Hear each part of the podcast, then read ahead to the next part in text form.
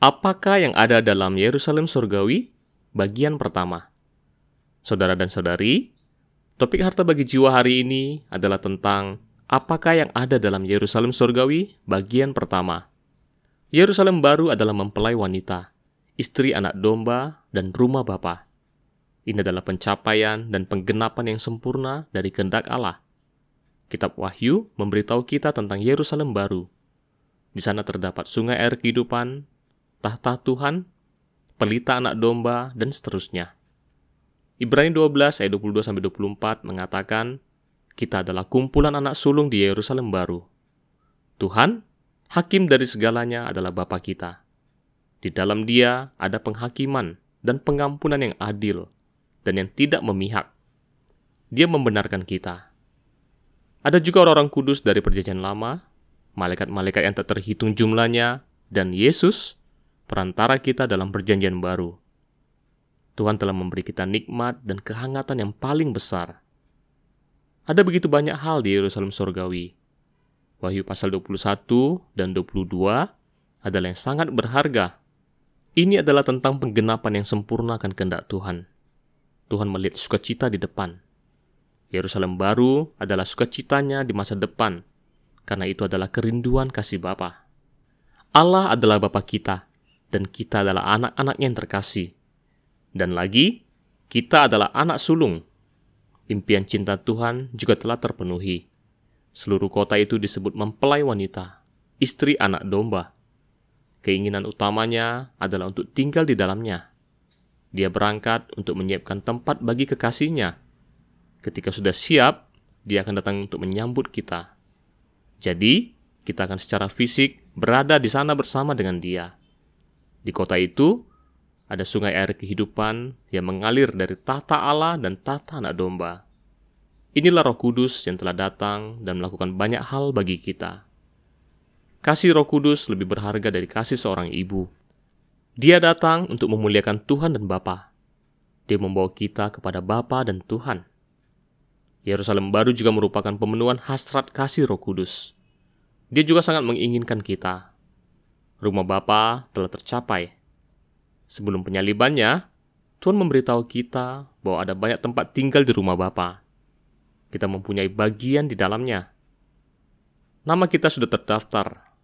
Permohonan di kantor imigrasi bisa memakan waktu yang lama, namun tidak ada jaminan untuk berhasil. Namun, nama kita telah tertulis di dalam kitab kehidupan anak domba.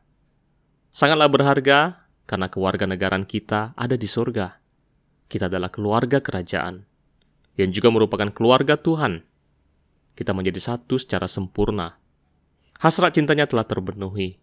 Ini adalah gambaran lengkap tentang kegembiraannya di masa yang akan datang. Tentu saja, dengan mendapatkan kita juga merupakan kegembiraan di masa yang akan datang. Dan gambaran ini adalah yang paling lengkap. Kita perlu memberitahu orang lain tentang kebenaran yang paling berharga ini banyak sekali hal yang berharga di Yerusalem baru, termasuk tahta Tuhan. Dia adalah raja dari berbagai cinta. Kita akan mengasihinya dengan segenap kemampuan kita, karena kita adalah yang paling menikmati kasihnya. Kita semua pasti ingin mencintai dan saling berbagi. Sungguh tak terlupakan saat Roh Kudus turun ke atas kita dalam sebuah pertemuan pada tanggal 8 Juni 1992. Pengalaman seperti itu membuat saya memahami akan surga dengan lebih baik. Saya merasa hanya ingin memberi dan memberi, sekalipun untuk melepaskan mahkotaku. Demikianlah hati Tuhan. Dia adalah yang melimpah, dan kita akan menjadi seperti Dia. Doa-doa Tuhan akan digenapi dengan sempurna dan akan terus berkembang dalam kekekalan. Anak domba ada di sebelah kanan Bapa, dan dia juga adalah terang kota kemuliaan Tuhan bersinar di kota itu untuk menerangi seluruh Yerusalem baru. Kita akan selamanya hidup dalam wajah Tuhan. Ibrani 12 ayat 23 berbunyi, Dan kepada jemaat anak-anak sulung yang namanya terdaftar di surga. Terjemahan bahasa Mandarinnya mungkin tampak agak sulit untuk dipahami.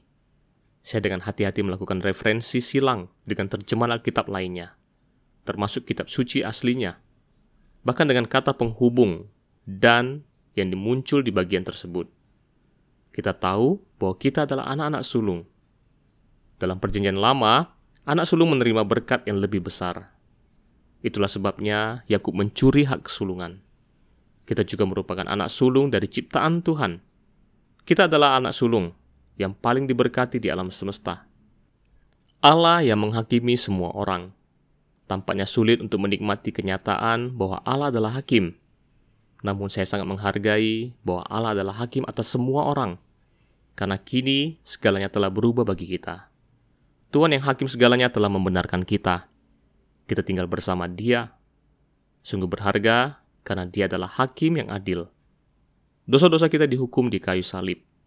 Hajaran atas Tuhan memberi kita kedamaian. Dia mati dan menumpahkan darahnya untuk kita agar kita mendapat pengampunan. Oleh karena itu, tahtanya adalah tahta belas kasihan, dan Allah adalah Bapakku. Sungguh berharga dan begitu manisnya, karena dia adalah hakim bagi semua orang. 1 Yohanes 1 ayat 9 berbunyi, Ia adalah setia dan adil, sehingga ia akan mengampuni segala dosa kita dan menyucikan kita dari segala kejahatan. Pengampunannya adalah yang adil, bukan dengan perlakuan istimewa. Karena Tuhan telah mati untukku dan menanggung segala dosaku, maka pengampunan itu adalah yang adil. Jika Tuhan tidak mati untuk saya, maka pengampunan itu tidaklah adil. Oleh karena itu, kebenaran Allah adalah pertolongan kita. Dia akan membenarkan ketika kita ditindas atau dianiaya oleh orang lain. Roma 8 ayat 33 mengatakan, Siapakah yang akan menggugat orang-orang pilihan Allah? Allah yang membenarkan mereka. Hal ini sangatlah berharga karena hakim yang adil telah membenarkan kita, sehingga kita dapat mengambil bagian dalam semua ini. Saya menghargai bahwa dia adalah hakim atas segalanya dan penilaiannya sangatlah positif. Saya dibenarkan karena Tuhan telah mati untuk saya.